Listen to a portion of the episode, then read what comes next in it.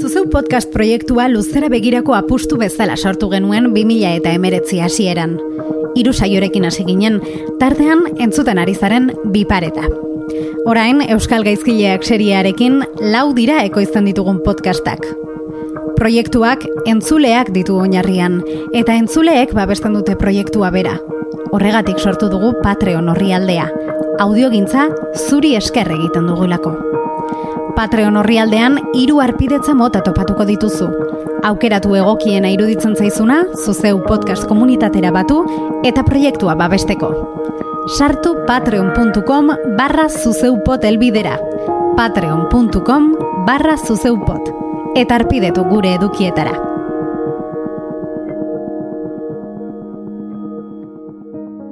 Kaixo, zer modu, Zarrate Hernandez oiarbide naiz. Ongi etorri biparetara.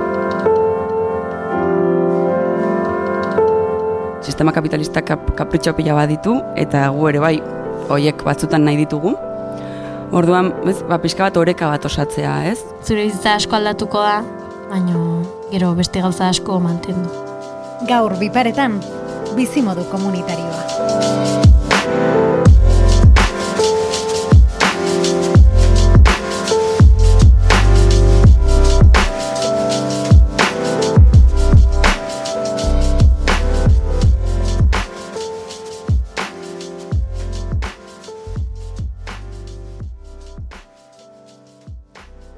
Nik atisa naiz, eta orentxe bertan Nafarroan bizitzen naiz, erro herrian, Pirineotan. Katixa jauregi eta bere bizi esperientziak ezagutuko ditugu batetik. Bizitza osoa dara magune autogestionatu eta okupatu. Nafarroan dagoen herri okupatu batera, arizkurenera. Eta, bueno, ba hori izan dudan ere bigarren bizitza bezala, ez? Bai, irian amarekin nintzen horeretan, eta gero ba, Nafarroara etortzen nintzen aitarekin egotera, herri okupatu batean. Seme alabakin ere bizimodu hori jarraitzea hautatu du. Ama da, bai, baina Baina hori ez da esan nik egin behar dudanik dena, ez? Orduan nire ustez, e, boste edo zazpi urte eduki, beraiek ere bai hasi daitezke oraintxe bertan, ba, bai platera jartzen mailean, edo niri laguntzen bazkaria egiten, eta hori egiten dute. Osa, et uste dut erakutsi dela txikitatik, ba hori denon arteko gauza bat dela, ez? E, elkar bizitza, eta seme alabek ere egin dezaketela beraien pausu txikiak. Eta uste dut beraiek gustora daudela, ez diat esaten, ez ama, ez dut hori egin nahi, ez? Ez diat ez dare behartzen.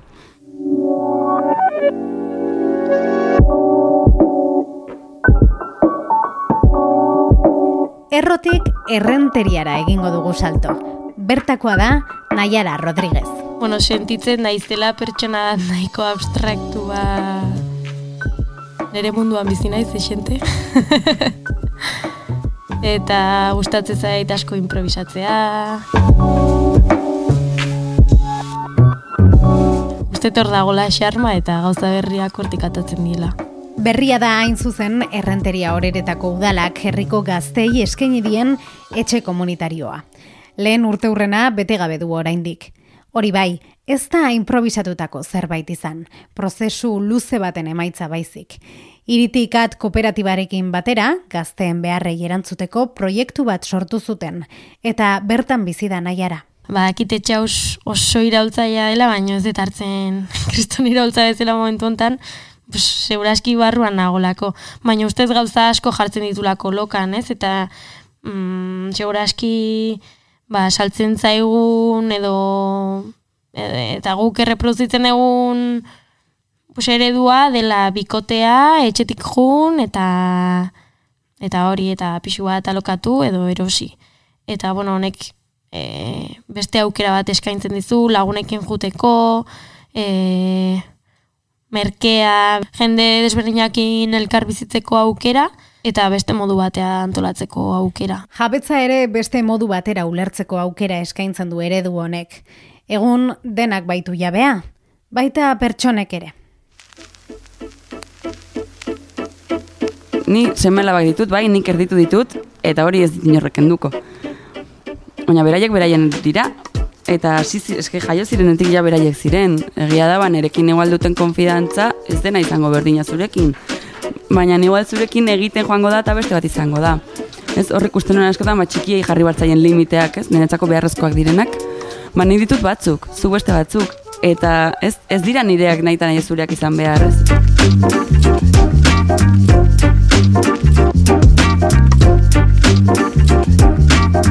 Katixa eta Naiara, orain ezpada lehen, espazio komunitario zein pribatuan bizitu dira. Katixak kontatu digu ezberdintasun handia dagoela bizimodu batetik bestera eta heltzen joan denean jabetu dela hortaz. Aldaketa orain, hogeita zortzi urterekin egin du. Gune okupatu, autogestionatu, kooperatiboetan bizitzetik, jabetza pribatuko pixu batean bizi baita orain gutxi egia da bisema alabekin eta bikotarekin ja, bueno, komunitate txiki bat izan daitekeela eta ere bai gatazka sortzen direla eta elkar bizitza bat dagoela. Erro herrian bizi da. Eh, Urtean zehar, berrogeita hamar biztan lebistarik ez dituen herritxoan. Lako bat ere ona izan. Eta ere bai, bueno, balen esan dudan bezala, hasieran txikitatik ezagutu ditut horrelako proiektuak, eta behar nuen pixka sentitu zer den nire etxea, ni, ni, ni hori, ez? De, hau nirea da, eta nik erabakitzen dut, noiz noa noera, e, noiz dago nisiltasuna, eta noiz jartzen dudan labadora. Behar nuen esperimentatu, gero ere bai, bueno, ba, nire bizia izan du da alde batetik bestera joatea, eta behar nuen gelditu, e, nire semala ere bai eman, e, egonkortasun hori eman. Orokorrean komunitate ikuspegi horretatik kanpo badirudi jabetza dela pertsona orok eskura dezakeen handiena. Geroz eta gehiago eduki, gehiago izango naiz. Bestelako esperientziak bizitzeak ordea, gezurtatu egin ohi du hori.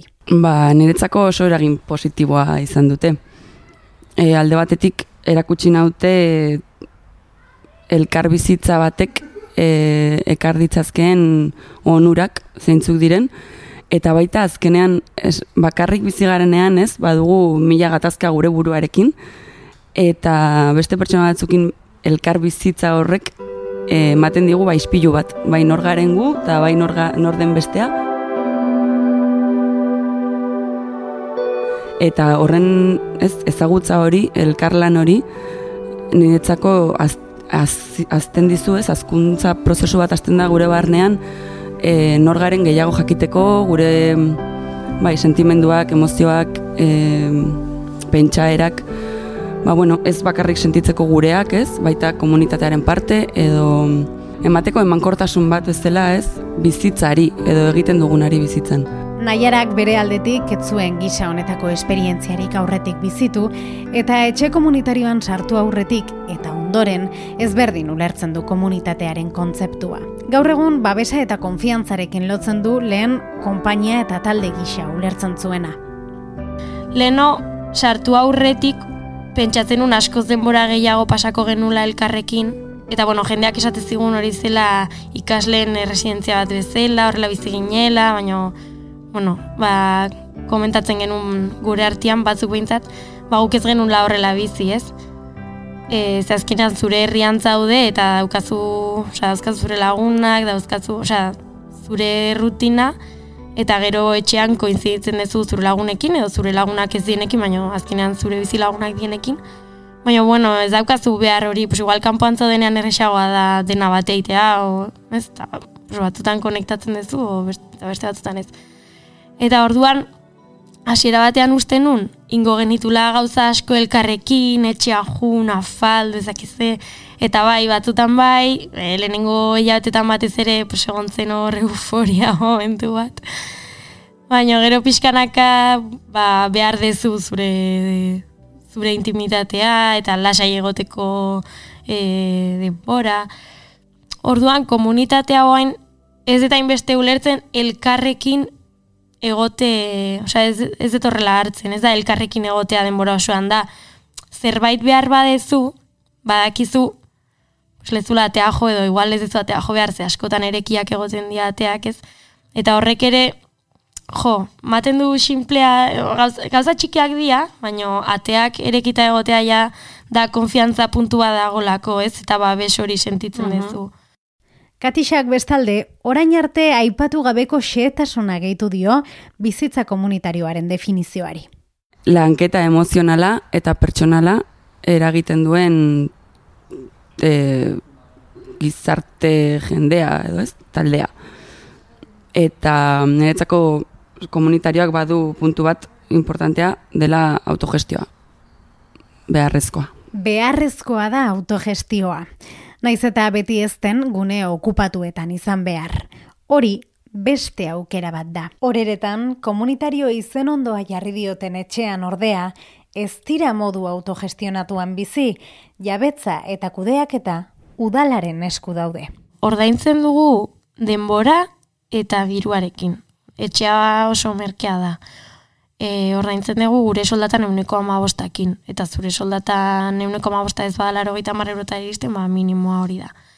Baina hortaz gain, e, hilabetean inbarritugu behatzi ordu komunitario, e, bueno, hori adostu behar da udalarekin, baina printzipioz zure gustuen arabera pues, lezu aukeratu nun, nun egin ordu horiek, Eta gero bai, e, egin bar ditugu, antolatu bar ditugu lau ekintza kolektibo, etxe bizitza bezala, herriari begira.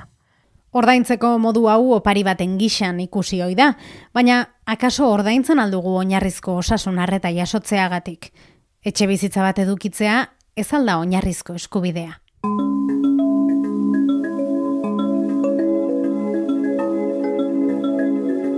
Dirua eta denborarekin ordaintzeko metodoak ordea, izan ditzake utxune bat edo beste. Horixe esan digun aiarak. Lan ordu kopuruen eta soldataren arteko harremana oso ezberdina baita lanbide batetik bestera. Bakarrikan baloratzen da e, zenbat kobratzen duen pertsona bakoitzak. Eta kobratzen dezunan arabera, ordaindu behar dezu kopuru bat edo beste. Baina horrek ez du esan nahi denbora daukazunik. Hau da, e, posile zu gutxi kobratu, baina horrek ez du esan nahi denbora gutxi ematen dezunik lanean, ez? Orduan, badakit oso zaila dela, baina uste, buelta pare bat eman behar dizkiogula kontu horri, ze dirua eta denbora dia e, bueno, solotuak daude ez, baina ez dia beti ez doaz beti batea. Katixak ez zuen horeretako ereduaren berri, eta beldurrez bada ere, ausartu da irakurketa bat egiten.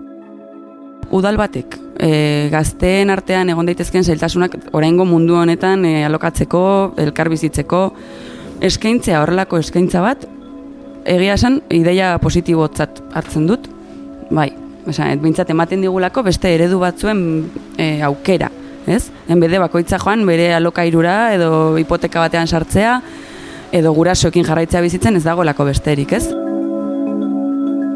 Hiri batean autogestioa lortzea asko ere zailagoa ere bai. Eta egia da, ni nahiago dudala, e, konfiantza osatzea eta hori sortzea, ez? Ba, lan egitea e, nahi dugulako eta benetan sinisten dugulako proiektu horretan, ez? Maske esaten digutelako, ba, egin bar dituzu bederatzi ordu e, hilabetean. Edo eman bar duzu hau eta hau.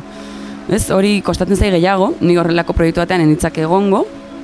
Baina egia da ere bai, bueno, ba, pausu bat ematen duela, ez? Ba, konturatzea zer den benetan bizitzea komunitarioan eta zenbat lan, lan egin behar den.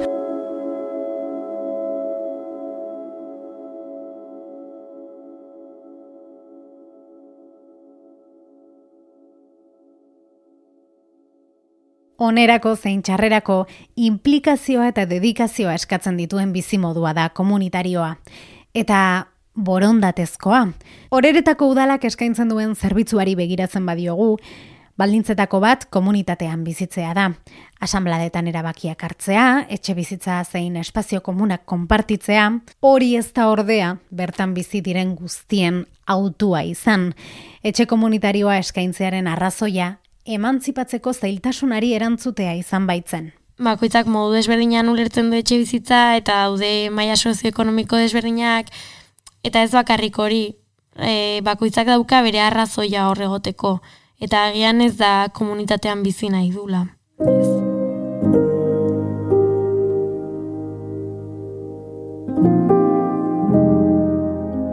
Da, Eta hola, da, da kriston aukera, e, udalak eskintzen duen zerbitzu bat, eta, eta edo zein, bueno, i, baldintzak beteta edo zein sar daiteke.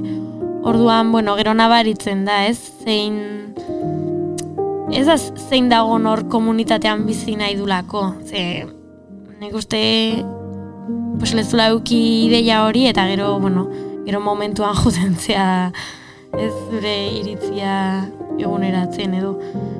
Baino, bai, pues batzuk daude hor merkea delako eta hori ondo dago. Mhm. Baino gero sortzen ditu gatazkak ba beste arlo batzutan.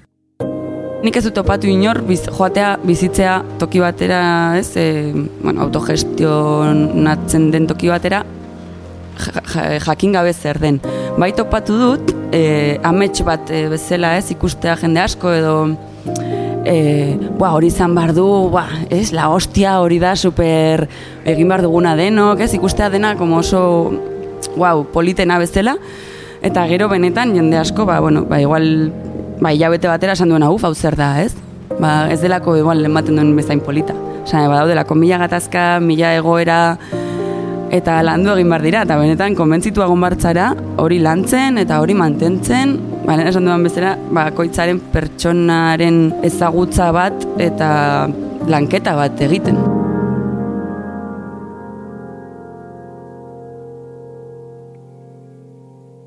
Intimitatea edo pribatutasunak gehiago baloratzen duzu orain. Bai, eta isiltasuna batzutan ere. Bai, bai, bai. Betidan ikustatu izan zait denbora desente bakarrik egotea, eta betidanik izan dut nere logela. Eta egia da, hasierako hilabetetan ez nula, ez nula beharra sentitzen. Oso oso gustoran egon jendearekin, eta denbora asko pasatzen genuen ba, salan edo sukaldean, eta iaia nintzen ere logelan egoten. Baina iritsi zen puntu bat esan nula, boa, dut lasai egon, eta, bueno, ebai naiz pertsona ez dakitena lasai egoten, eh? Osa ez da, ez den errua nik ere hori daukat, eta batzutan ere iristen nintzen etxea, eta bat ez dakit, terremoto bat pasatzen ari zela, ez? Piskat astoratu iten ginen bata bestiakin.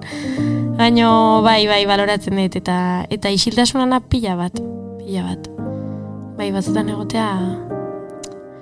Eske, eske igual ez hainbeste nere logelan, eh? Igual baloratzen dut egotea salan isilik, ere.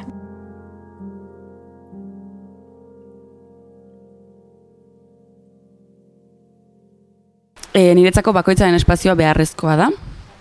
Eta uste dut bakoitzak erabaki dezakela nola nahi duen bizi bere komunitatean.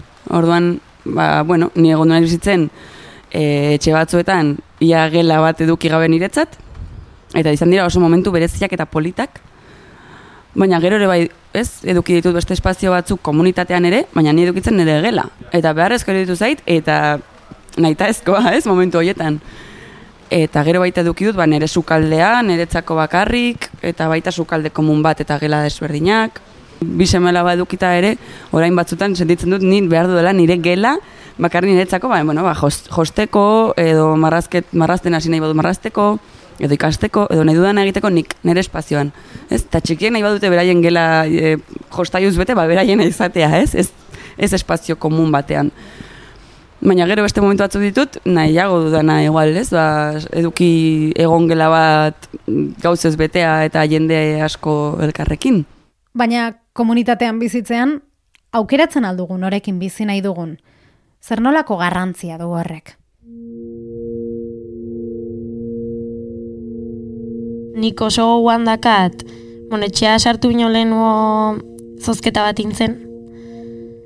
Denak sartu ginen. Baina goatzen naiz, nahi izan zen bilera moduko bat, aurkezteko, elkar ezagutzeko eta, bueno, zozketa egiteko.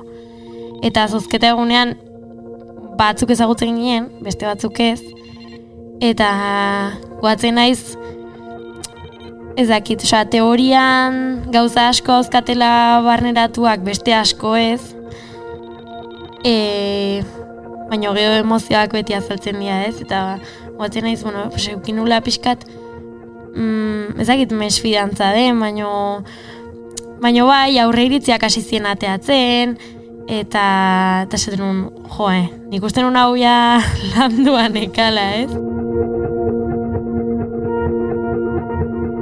Gauza da zeudela, e, gizon marrokiar batzuk, ez?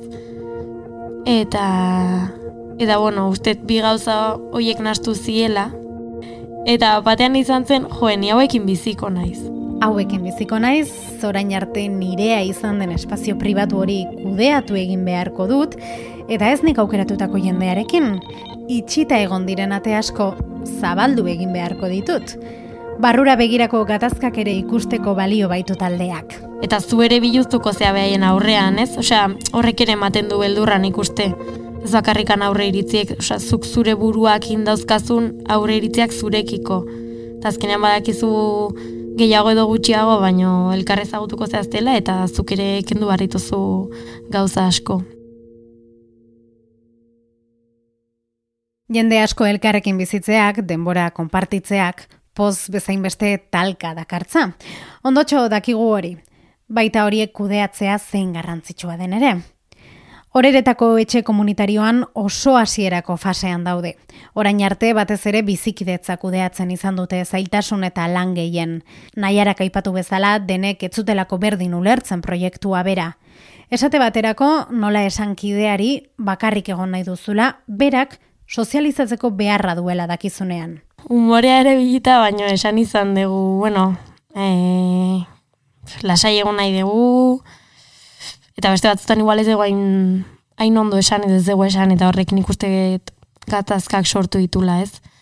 Zazkenan jakin bar da, bueno, komunikatu beti komunikatzen dugu, baina igual lasai eta ondo esaten, eta batez ere esaten.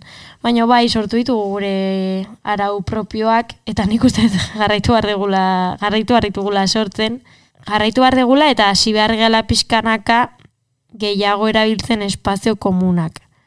Hau dena ez gertatzeko. Hola, pentsatzen badugu urrunera ez, gizakiak izan gara pertsona batzuk e, e, nomada bezala mugitu garen alde batetik bestera, e, taldean, eta, bueno, ba, batek bestearekin batzutan lehiakortasunak egite egoten zirela.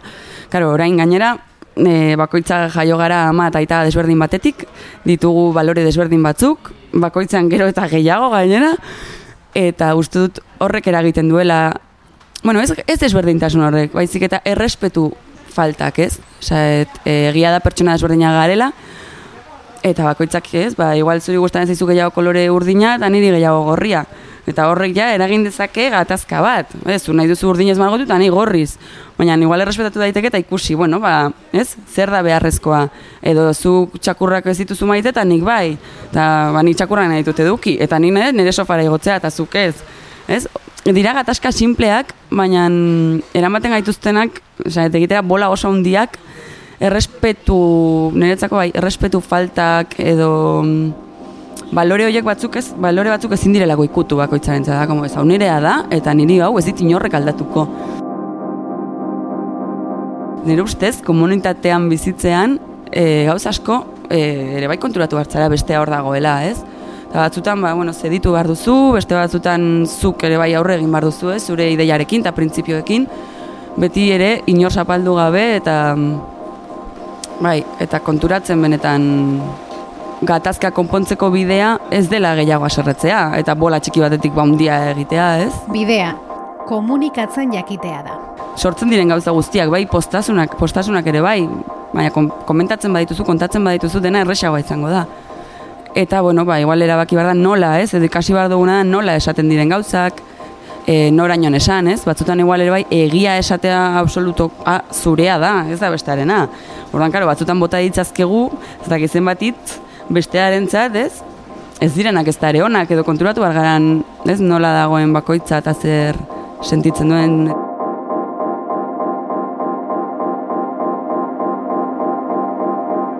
Ikasi eta ikusi dugu denok gure azalean. Beste modu batean bizitzea posible dela. Batzuetan gure autua da, besteetan ez. Eta egokitu egin behar. Argi dagoena da, ez dela dena xuria edo beltza. Katixak alokairua ordaindu arren, landa ere muan bizi nahi du eta autogestionatu bere kontsumorako gauza asko. Naiara berriz, komunitatean bizi da, baina irigunean eta egunero joaten da lanera, ordutegi bat dauka, biek izan nahi dute beren bizitzaren jabe, edo utopia da hori. Agian utopikoki pentsatu dezakegu badela sistematik at ateratzeko beste eredu bat eta egia da e, desberdina dela eta bueno, aldaketak dituela eta pentsatu nahi dut, ez? Utopia hori lortu daitekeela eta osea, bizi gaitezkela horrela. Baina egia da bertan, ba, sistema honen parte garela eta ez dela hain erresa ateratzea. Eta gero zer da atera, zer da ez atera, ez? E, kafe bat hartzea taberna batean ni gustoko dut edo lagunekin egotea, ba, bueno, ba hori igual parte da ere bai sistemarena. Bai, mugikorra dukitzea, bai, erretzea, ez? Nik erretzen dut eta azkenean pues, estatuaren estatura doa diru hau. Orduan, kontradikzio asko, ez? Iduki ditzazket. Ekonomia, gure harremanak, gure denbora horrela dago antolatuta eta ez gaude dituta ez gaude dituta. Nik uste horrelako esperientziekin ere pixkanaka juten gala puskatzen naiz gauza txikiak izan ba, bueno, erro hoiek aldatzen. Ez, ez dakit, azkenen da, azken e, aspaldiko bizitzara hueltatzea pixka bat, ez? Bai, baserri eredu hori, etxe eredu hori, ez? E, lehen baserritan familiak ziren, eta bai, amon azten zaintzen zituena seme alabak, baina, bueno, familia hori ez, ez du nahi nahi ez abizen berdin eduki behar, ez? Ez pertsona desberdinak izan daitezke, elkar bizitza bat osatu nahi dutenak, eta eraman, ba, bai, beraien baratzak, etxe berdinean bizi, e, e, etortzen diren umeak elkarren artean zaindu, ez, badago aukera hori. Alternatibak egon, badaude. Eta geroz eta gehiago gainera. Pentsatzen dugula, behintzat pentsatzen dugunok, honetan, ez? Eta aukera berriak direla, existitzen dira ere bai kohousinak edo ez, e, zaharren artean egindako etxeak, eta Holanda aldetik, Alemania aldetik ere bai bakoitzan gehiago dira auzoak elkarrekin egiten dutena ba, adibidez baratza bat e, kanpoan. Bueno, ikuste denbora barko degula olako proiektuak ez martxan jartzeko, haitik eta indar, indarra hartzeko eta finkatzeko, baino, baino pixkanaka lantze juten bali magea, pues, e, oso, oso positiboa izango dela nik eredu bezala e, aldatzekotan, ez, igual gehiago izango litzake, saiatzea bakoitza pentsatzen ze eredu mota nahi dugun bizitzeko, ez bakarrik eraikitzea gure komunitario txikia, ez? Ze, Oza, zerren sistemaren parte gaude, parte izan nahi dugun modu honetara edo beste batera. Eta hor, saiatu aldatzen, ez? Erabaki dezagun bada, nola bizi eta izan nahi dugun. Nire burua bai komunitatean ikusten dut. Ez dakit ongi nolakoa, ez, esperientzia asko duki ditut, eta bueno, askotan nahin bat galdera tortzen zaizkit burura, ez, ba, edukiko nuken nire etxea bintzat ez, ba, nire espazio esparru hori sentitzeko, eta gero komunitatean landak eta animaliak eta hori guztia, edo, bueno, etxe komunitario bat, eta gero bakoitza bere txoko txoa edukitzen, ez dakit okupatu egingo nuken, azkenean okupazioak, niretzako politikoki esan nahi bat eta beharrezko iruditzen zait, baina igual ere bai zaila da, ni okupatzeko igual erresagoa dute ba, hiri batean edo ba, etxe bat, e, nik orain bertan terrenoa nahi dut, lur bertan eraikitzeko, ez? E, so, e, ametsak osatzeko bertan, ez? Bueno, nik beti da nik esan izan dut, nere amonan baserria bizi nahi dutela, nere anaiakin eta guk ja informalki eginda daukagu gun zerrendarekin. eta, bueno, igual oso lotua dago, ez? Ba, ez dugu inoiz, bueno, nik behintzat ez dut inoiz irudikatu etxe bat erosi eta nere bikotakin e, bertara bizitza jotea. Eta irudikatu dut nire anaiakin eta lagunekin bizitzea. Eta, bueno, ez dakit, badakit oso zaila dela, oso utopikoa dela, baina, bueno, ustez behintzate referentzia hor daukagula eta jungo gea pixkanaka sortzen.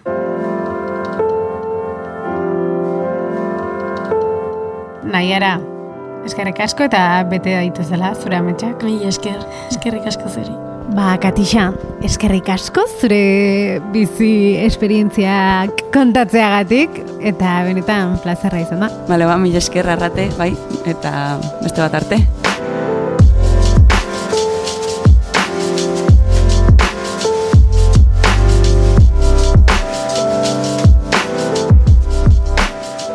Entzule, guk datorren astean egingo dugu topo bi pareten artean. Bitartean, jaso besarkada estu estu bat.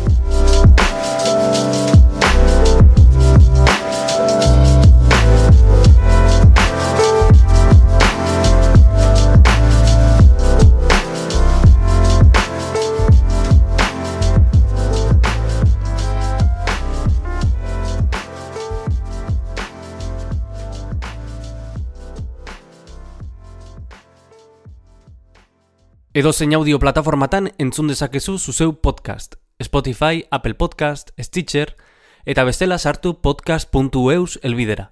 Hori da, podcast.eus. Eta bertan topatuko dituzu ekoizten ditugun saio guztiak.